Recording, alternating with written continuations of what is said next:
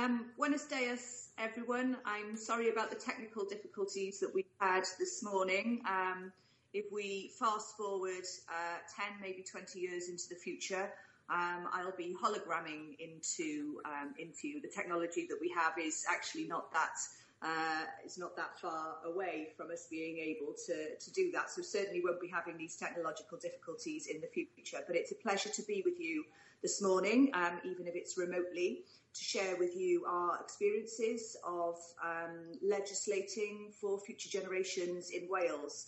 Um, for those of you who may not uh, know much about Wales, Wales is a country within um, the United Kingdom, a country of just over 3 million people.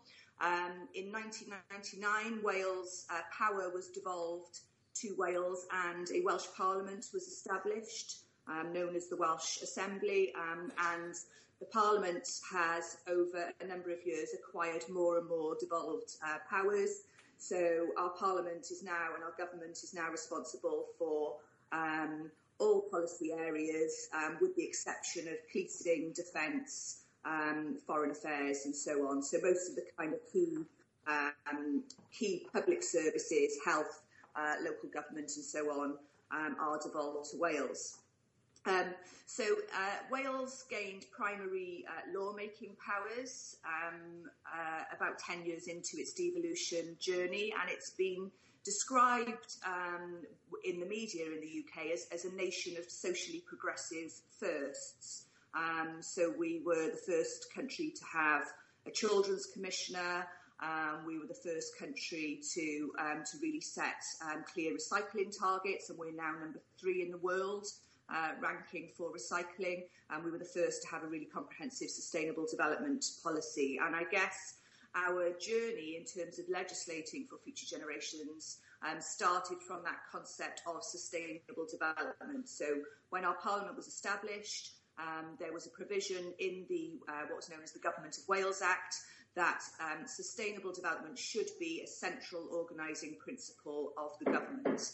Now, um, I'm guessing um, if most of you work in public policy and public institutions, um, you will know that often what is written is, in legislation isn't necessarily the spirit of it, is not necessarily carried through.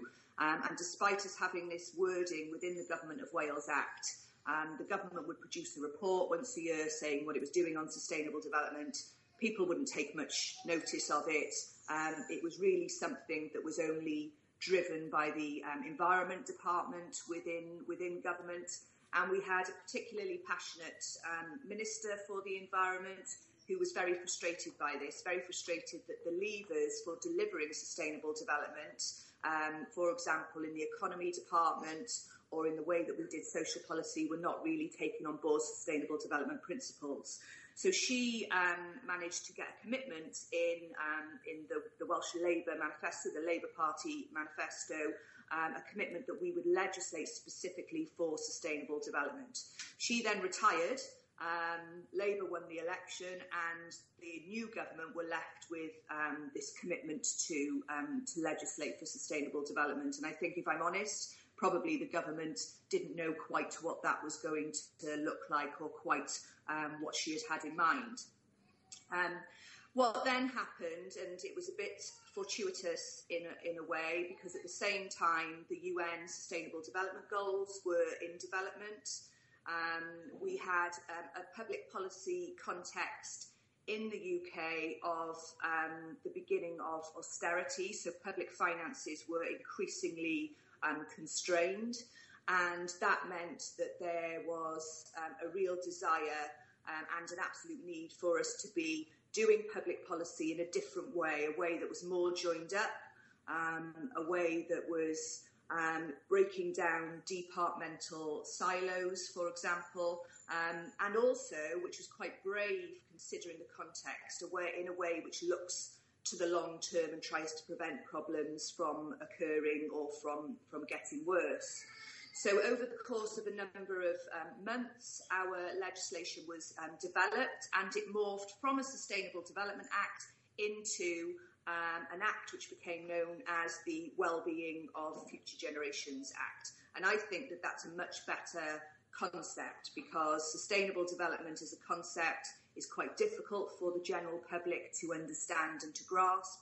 But you know, whether you're a taxi driver or the First Minister of Wales, you understand this concept, I think, of um, what world are we leaving behind to our children and our grandchildren.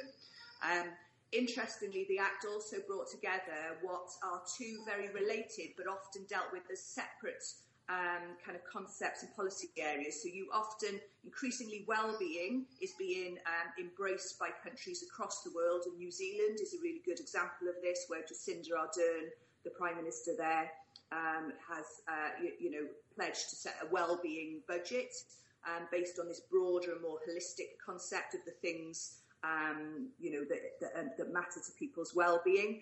Uh, and then you have sustainable development, and quite often they are seen as separate. But what we have tried to do in our legislation is to bring those two concepts um, together. So when our legislation was passed, the United Nations came to Wales and said, we hope what Wales is doing today, the world will do tomorrow. So that's high praise indeed for a small nation like ours. Um, there was a second part of, of what they said, which was action more than words is the hope for future generations. And I think that really resonates now if you look at the climate strikes, if you look at Greta Thunberg calling out our current leaders, um, she is asking for action more than words. But what our legislation does is set the statutory framework for that action to, um, to happen. So I'm going to give you a bit of an overview of what the legislation does and my role as a commissioner. Well, first of all, the legislation sets out this overarching principle that all of our public institutions in Wales, so that's all of our local authorities or our kind of municipalities, um, our health boards, our national bodies such as our Environment Agency, Public Health Wales, our Fire and Rescue Services, and so on, that they should take decisions in a way which meet today's needs without compromising the ability of future generations to meet their own needs. So that's this um, overarching sustainable development principle. It then um, says that these public bodies, and oh, sorry, what I should say is significantly this legislation includes the government as well. So the government itself are bound by this legislation, and Welsh ministers are bound by this legislation. So it says that these bodies, these institutions must carry out sustainable development and sustainable development is defined in the legislation as the process of improving the social, economic, environmental and cultural well-being of Wales. Now, um, if you're used to um, sustainable development terms, you will know that generally sustainable de- development is defined as um, social, um, economic and environmental sustainability. We have added a fourth pillar, if you like, um, in Wales of cultural well-being. And increasingly, again, um, this is gaining traction in other parts of the world. Um, you know, there's some people who say that um, culture is, um, you know, almost absent from the 17 Sustainable Development Goals, and that that's quite a big issue. And uh, the importance of people's culture, heritage, um, of you know where they come from, uh, their sense of belonging is actually very important um, as, a, as, a, as a principle too.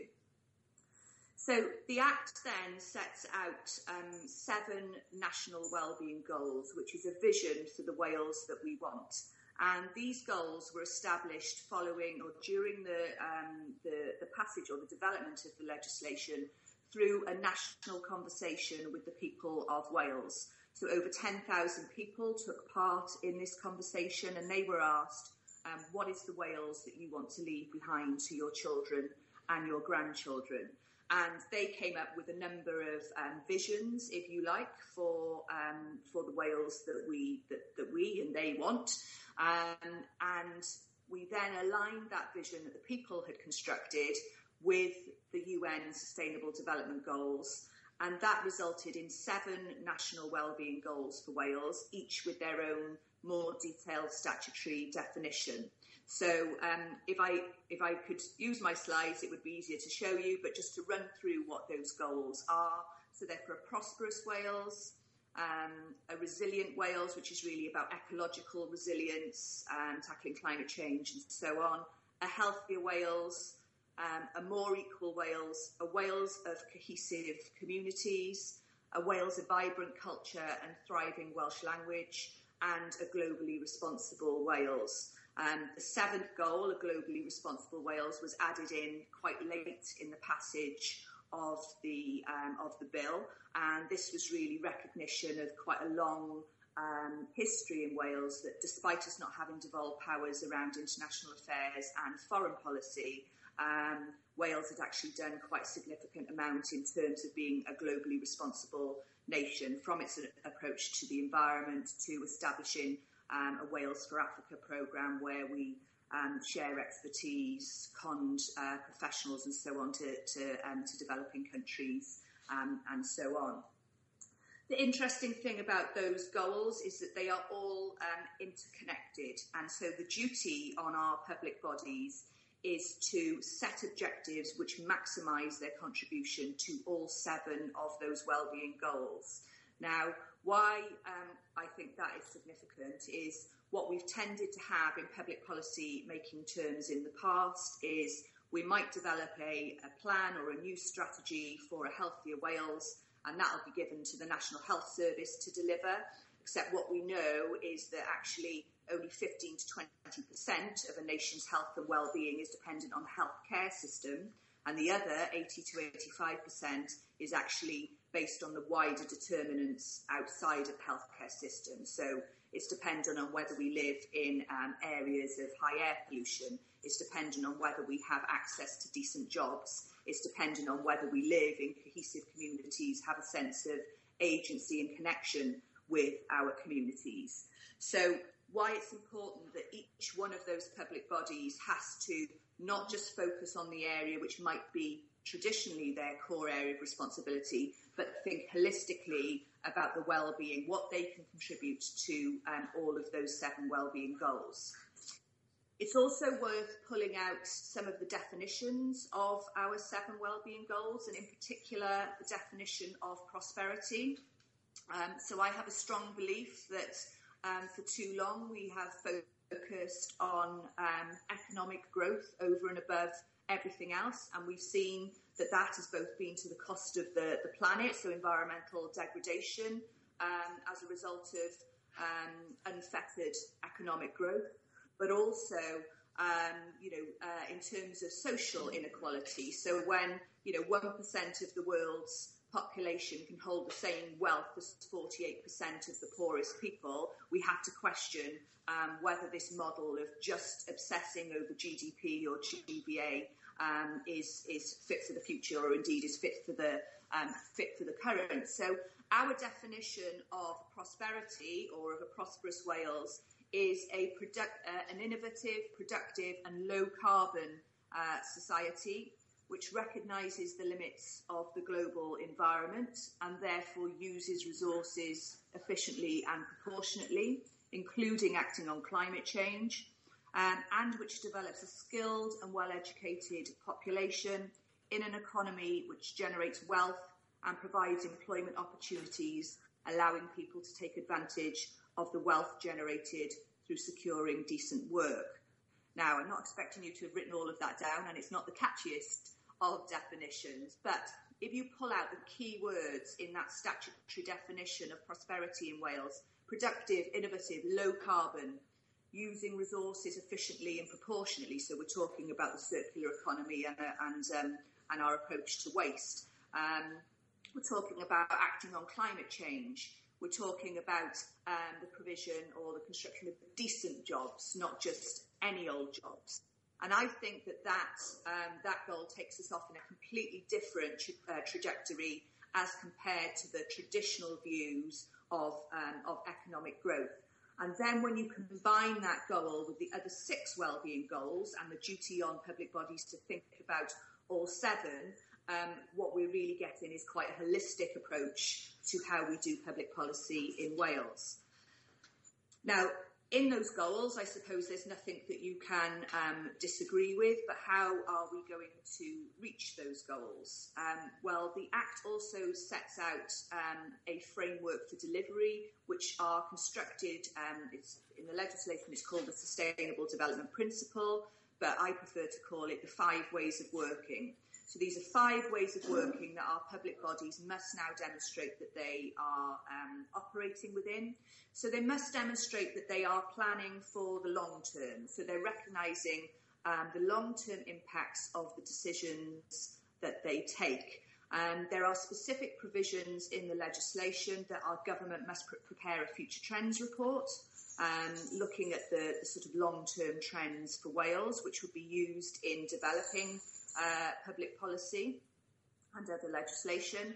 And then also in each of our um, uh, local authority areas, they must do a well-being assessment of the issues in the long term, the short, medium and long term um, in their area and they must engage the local population in doing that but they must also uh, use future trends to, uh, to, to, to, do this well-being assessment.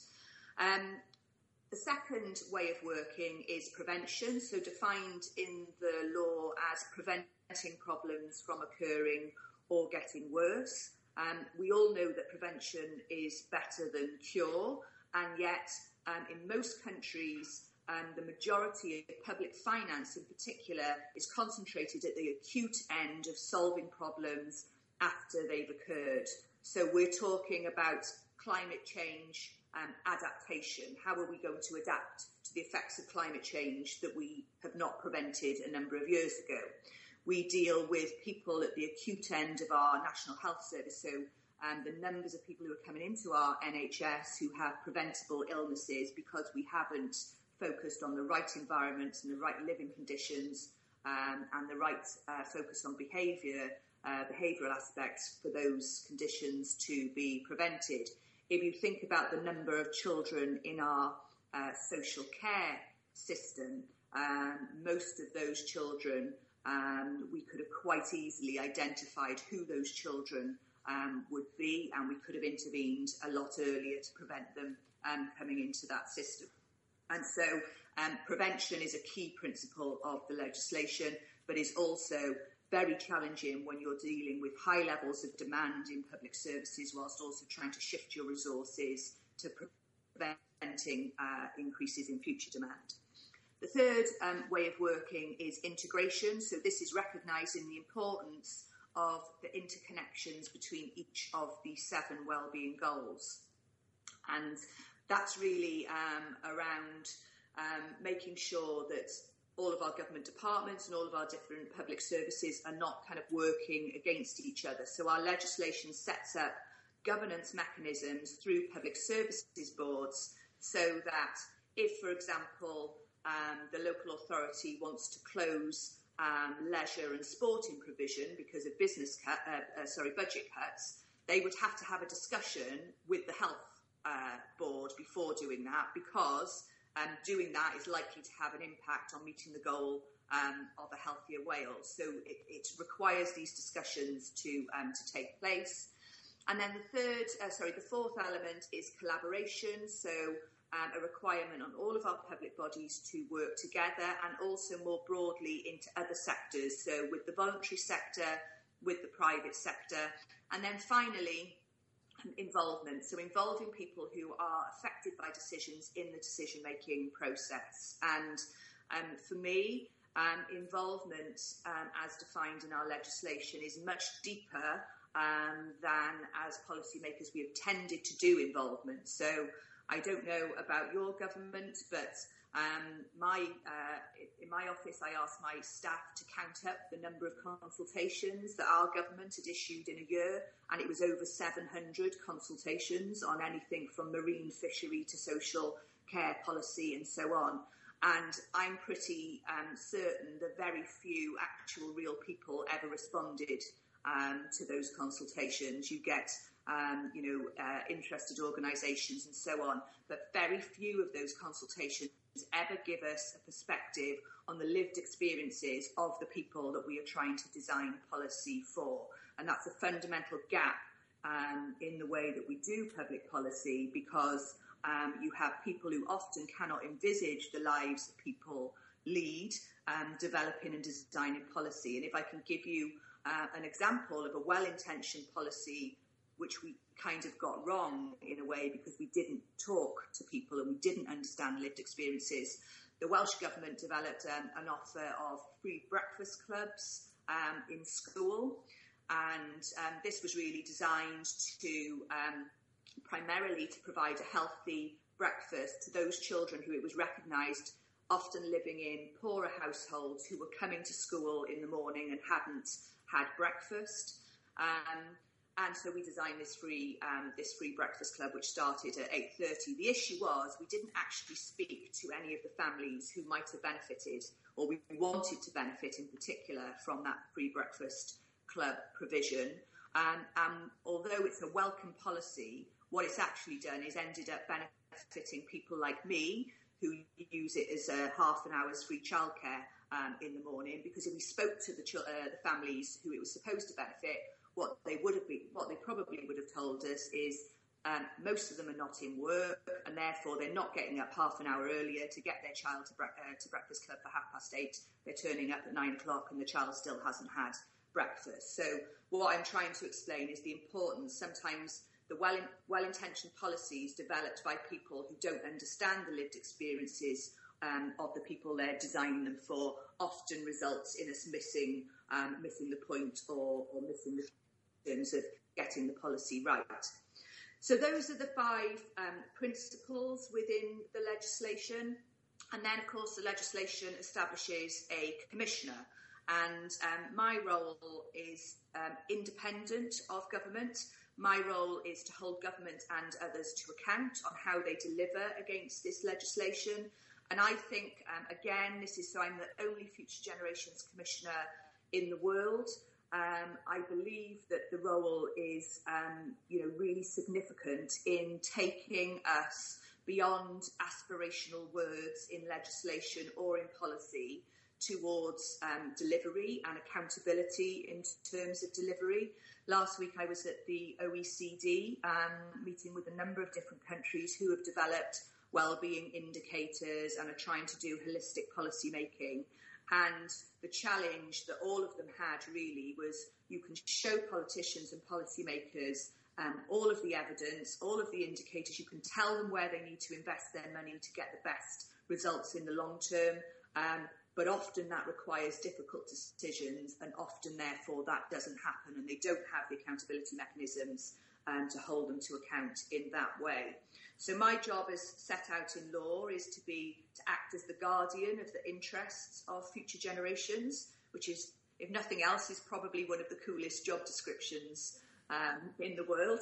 Um, I thought it was the best job description until I met the Minister for Happiness in um, in the UAE um, a few months back. So I think I've got some competition uh, uh, there. But um, essentially, my role is to both advise and support government and the other 40, uh, the other 43 public bodies covered by the legislation, um, and also to monitor and assess the progress that they are making against delivering the wellbeing goals for Wales. Now, those wellbeing goals are um, also uh, monitored through 46 national indicators. Um, they are not a perfect set of indicators. And again, if you speak to countries across the world who are trying to develop well-being uh, policy and indicators, it's very difficult to get a perfect set of indicators. But they give us a, um, an overview, if you like, of the progress that Wales is making as a nation against the well-being goals. We've had two lots of reports so far. As you would imagine, we haven't seen much change because this is a long-term um, mission. But what I want to talk to you about really is some of the change that we are seeing um, on the ground as a result of the Future Generations Act. So, um, I suppose the biggest test case of the legislation so far um, relates to a decision that our government had to take regarding the construction um, of a significant section of um, new motorway, um, motorway called the M4 around um, Newport. Sorry, people coming in. Um, so that road had been, or proposals to build that road had been in development by the government for about the last um, decade. And um, this was to deal with a problem of significant congestion on one of our main um, routes from London, uh, the capital city in England, to Cardiff, um, our capital city in Wales, and into West Wales. And the government wanted to build um, a relief road, a 13 mile stretch of motorway. Um, this was significant for a number of reasons, um, most notably that for the first time the Welsh Government had, had, obtained financial borrowing powers, which they had not previously had. Um, and they were intending to use the entire of the Welsh Government's borrowing capacity to build this stretch of motorway. So immediately there's a question of is building a motorway in the best interests of future generations? And that's highly questionable, and I'll come on to how we use the Act to demonstrate that in a moment. Um, and if it's not, um, almost there's a double problem because not only are we perhaps saying it's not in the interest of future generations, but we're also using borrowing power, so we'd be asking future generations to pay back the cost of a policy which is not fit for the future.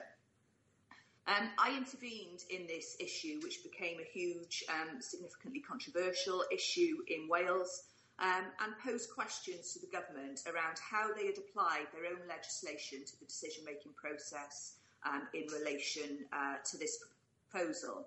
So I asked them to demonstrate to me how they had applied long term trends to um, considering whether there was a need to build a road or whether there was an alternative solution. So, how had they considered um, impact of autonomous vehicles? How had they considered the um, potential changes to road taxation system when we move to fully um, electric vehicles? How had they considered developments in future technology um, around road using which can help uh, to address congestion? I also asked them to outline to me what they considered in terms of prevention. So, um, when we have um, very clear carbon reduction targets, um, how is building a road going to uh, prevent an increase in carbon emissions? In fact, um, the government's slightly weak argument in that regard was that um, it would become carbon neutral in 2072. Um, and um, I've had to point out that that would be um, some 22 years past our carbon emission uh, deadline, if you like. I then asked them to demonstrate to me how they had considered the seven well-being goals in considering this proposal. So how they were meeting that definition of prosperity, which is about a low-carbon society, which is about using resources efficiently and proportionately and acting on climate change. I asked them to demonstrate to me how this proposal was contributing to the ecological resilience of Wales, um, and notably the, the road was going to go through a, a, nature reserve. I asked them to demonstrate to me how it was um, addressing the issues of a healthier Wales when it would create more air pollution and when actually what we need to do is to get people out of their cars onto public transport, cycling and walking so that we can tackle our obesity crisis. I asked them to demonstrate to me how they were considering this in light of the goal of a more equal Wales when 25% of people in that area in the lowest um, income brackets did not have access to a car because they couldn't afford one and therefore would not benefit from this government spend. So, putting the case back to government in terms of this is the legislation that you've passed, explain to me how you've considered this legislation in this decision making process.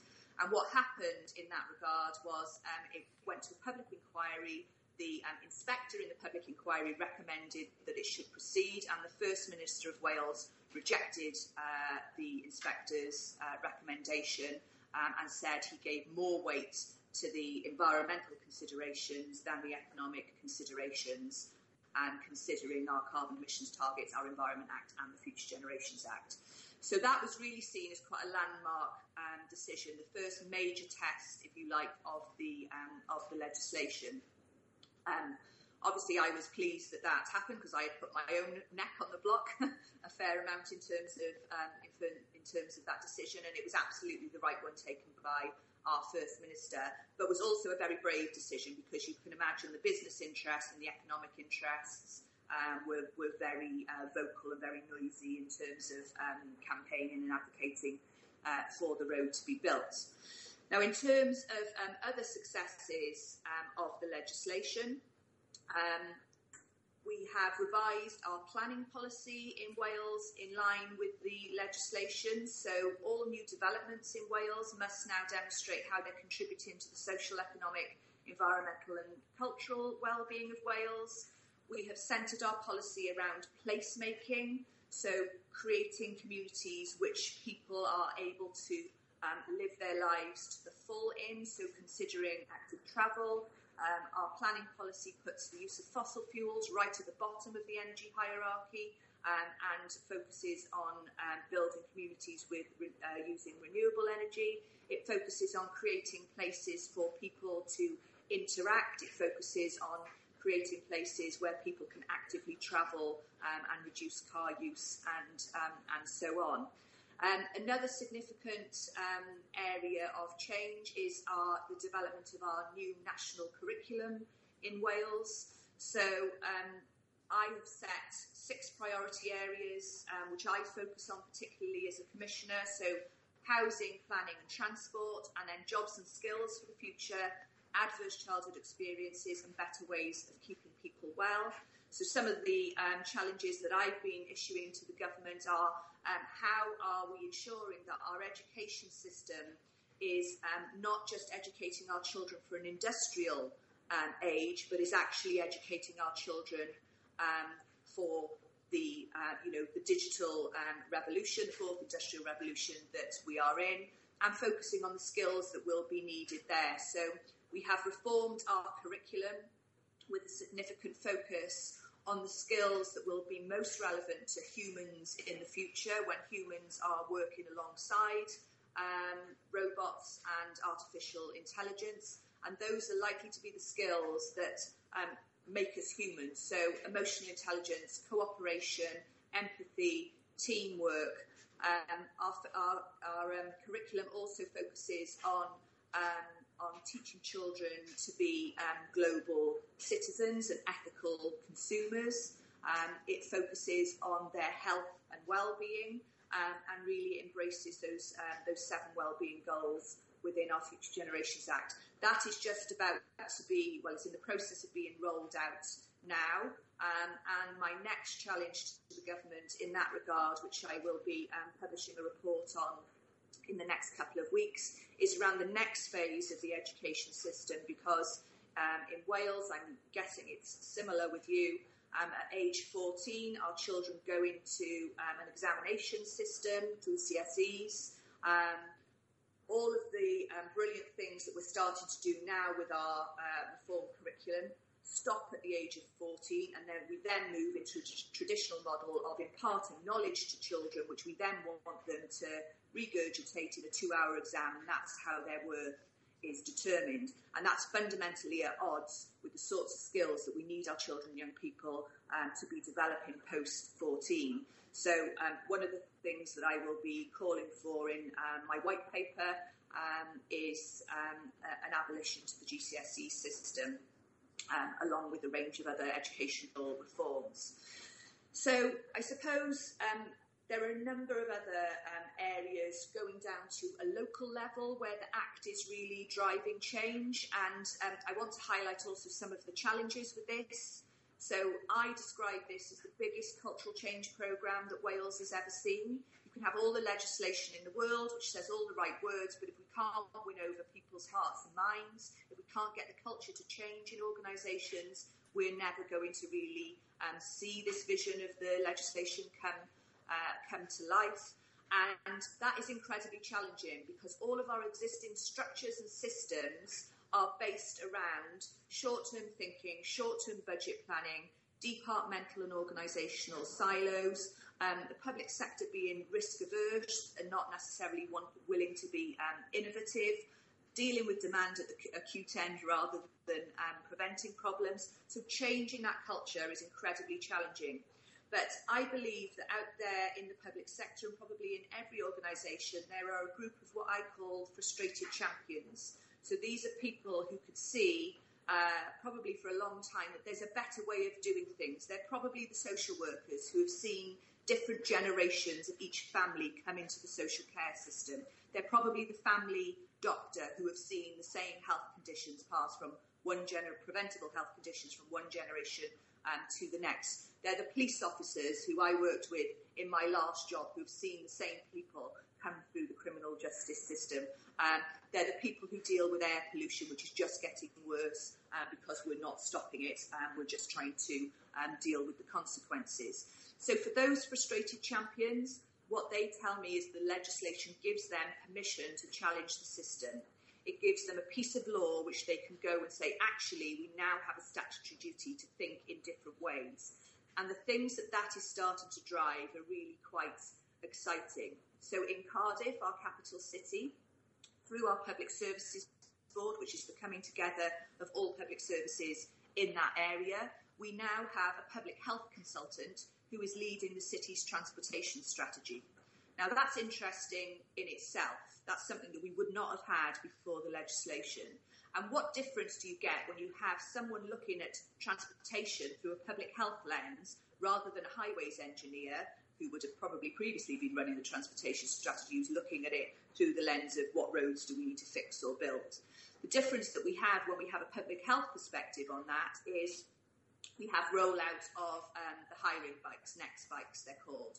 We have mass investment in cycle superhighways. We have those cycle superhighways starting in our most deprived communities where obesity rates are higher and the um, the uh, the life expectancy gap is 10 years less in those uh, areas of, of uh, lower income compared to the more affluent areas. And we have all of our public organisations in the city signing up to modal shift amongst their staff meeting 35,000 people in the city um, needing a, re- a, reduction in, um, in, in, in, car use.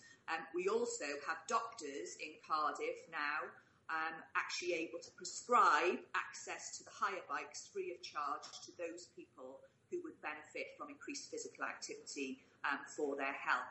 So that's the sort of difference um, that you're getting when we give people the power to challenge the system and to think differently. Um, in other spaces, we have a big focus across Wales on adverse childhood experiences. So these are uh, this is about kids who grow up in households where there's domestic abuse, substance misuse, mental health problems, parental separation or incarceration.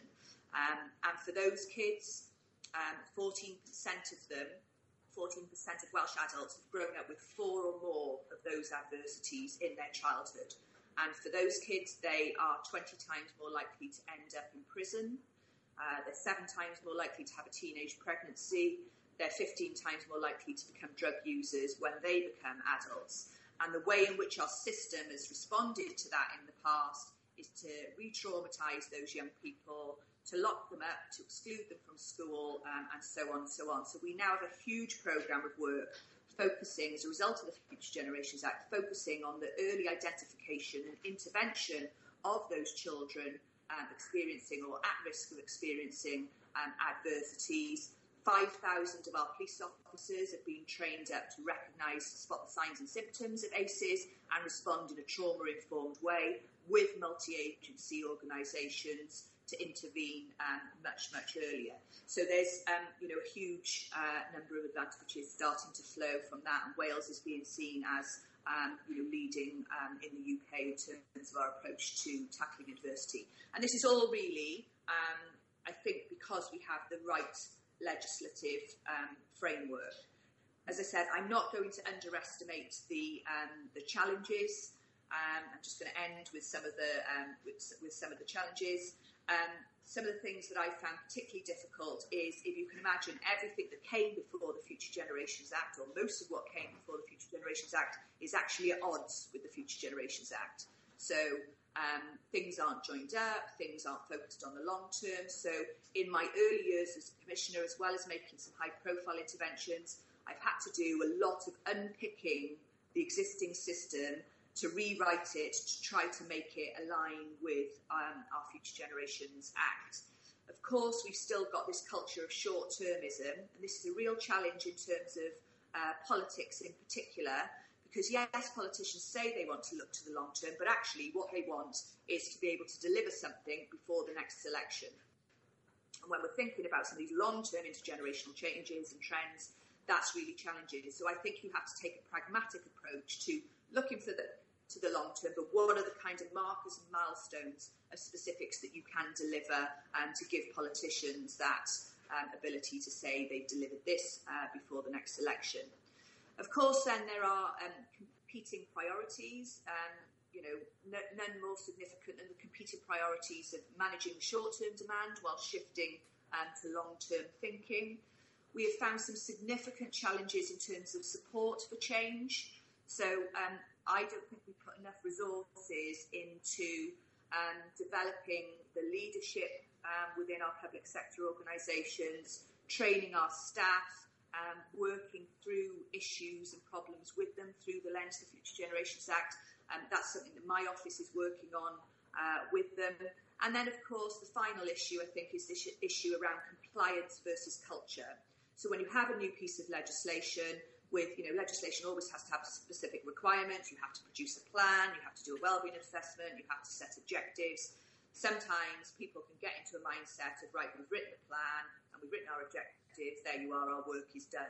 And that's not it at all. So I've been trying to be very focused on, I don't want you to comply with the legislation, well, I do, but actually, more so, I want you to apply the legislation into your thinking, your ways of working um, and doing. And that's an ongoing uh, battle and challenge, but I really believe that there is a movement for change um, growing every day in Wales as a result of our legislation. More and more people and organisations, even those not specifically covered by the legislation, getting on board um, with its delivery. Um, and I do believe that the, um, the Welsh model potentially provides a framework for other countries um, and other cities across the world. And indeed, um, those are the sorts of discussions that we're having at a UN level, um, OECD, and so on. I think I'll end there, and I'm very happy to take questions if um, if, if that's possible.